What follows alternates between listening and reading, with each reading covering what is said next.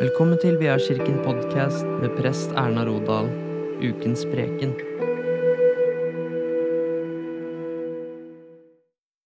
Vel møtt og god søndag.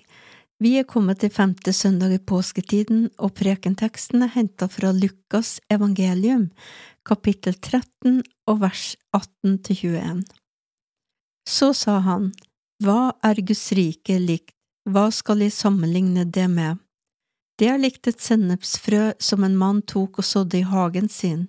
Det vokste og ble til et tre, og himmelens fugler bygde rede i greinene på det.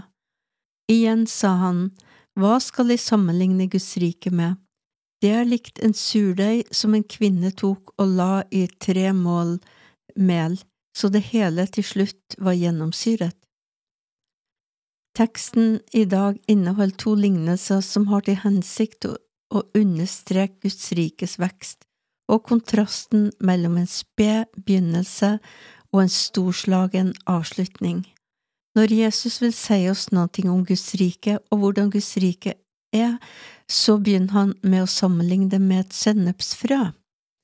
Sennepsfrø var kjent i Israel som det aller minste frøet, og så får vi høre om en mann som sår et sånt bitte lite frø i hagen sin, og frøet vokser til et stort tre som fuglene kan bygge rede i.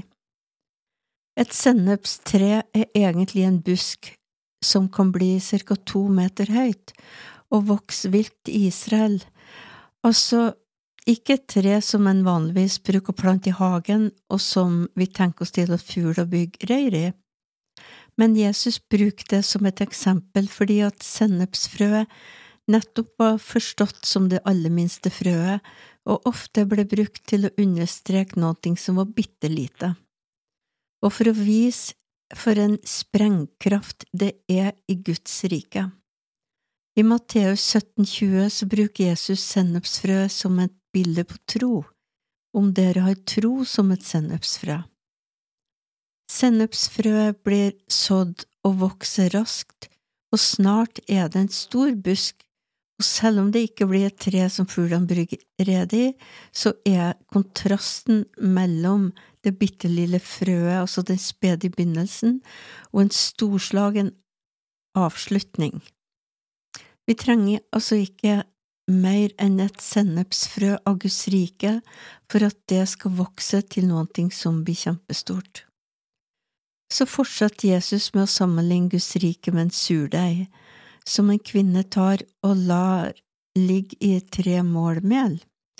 Tre mål er omtrent 13 eh, liter mel, også en ganske stor mengde. Hevinga av surdeigsbrød skjer om natta, og neste morgen er hele deigen gjennomsyra.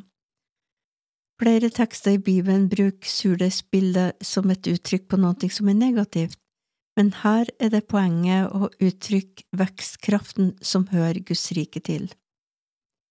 Evangeliet om riket skal forkynnes i hele verden til vitnesbyrd for alle folkeslag, og så skal enden komme, sier Jesus i Matteus 24, 12. Såkornet vi sår ut, er ordet om evangeliet. Det startet ved at noen få trodde på Jesus, at han var den lovende Messias, Guds sønn, og begynte å fortelle om det for 2000 år siden. Og i dag finnes det millioner av troende over hele verden. Ordet om evangeliet, ordet om at Gud ble menneske og tok bolig blant oss her på planeten vår. Han gikk rundt omkring og gjorde tegn og under og mirakler og sa sjøl at det var tegn på at Guds rike var kommet nær til oss.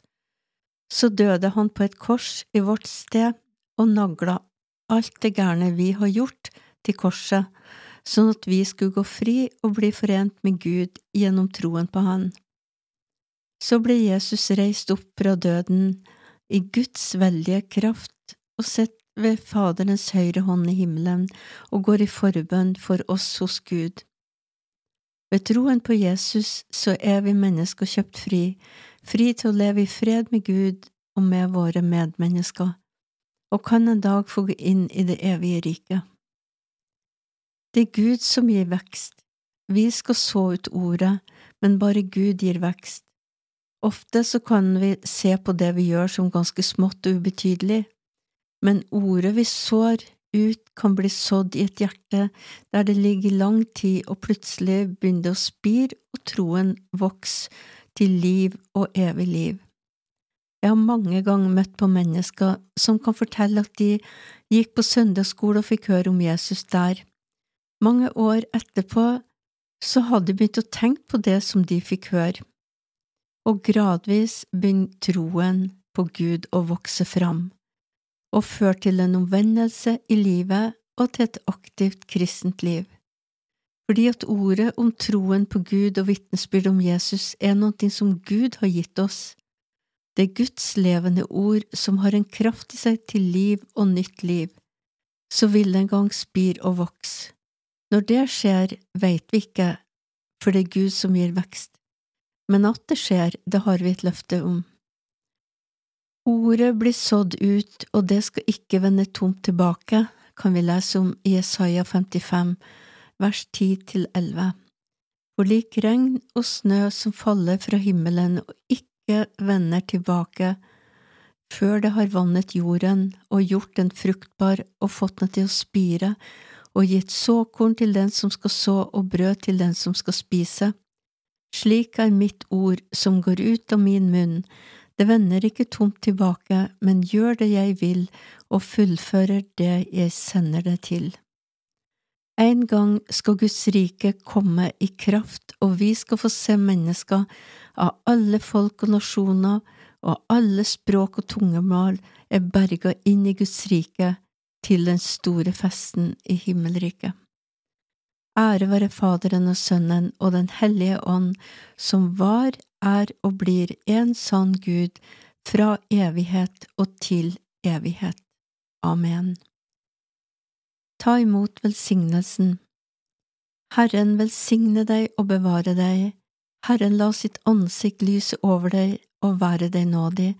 Herren løfte sitt ansikt mot deg og gir deg fred.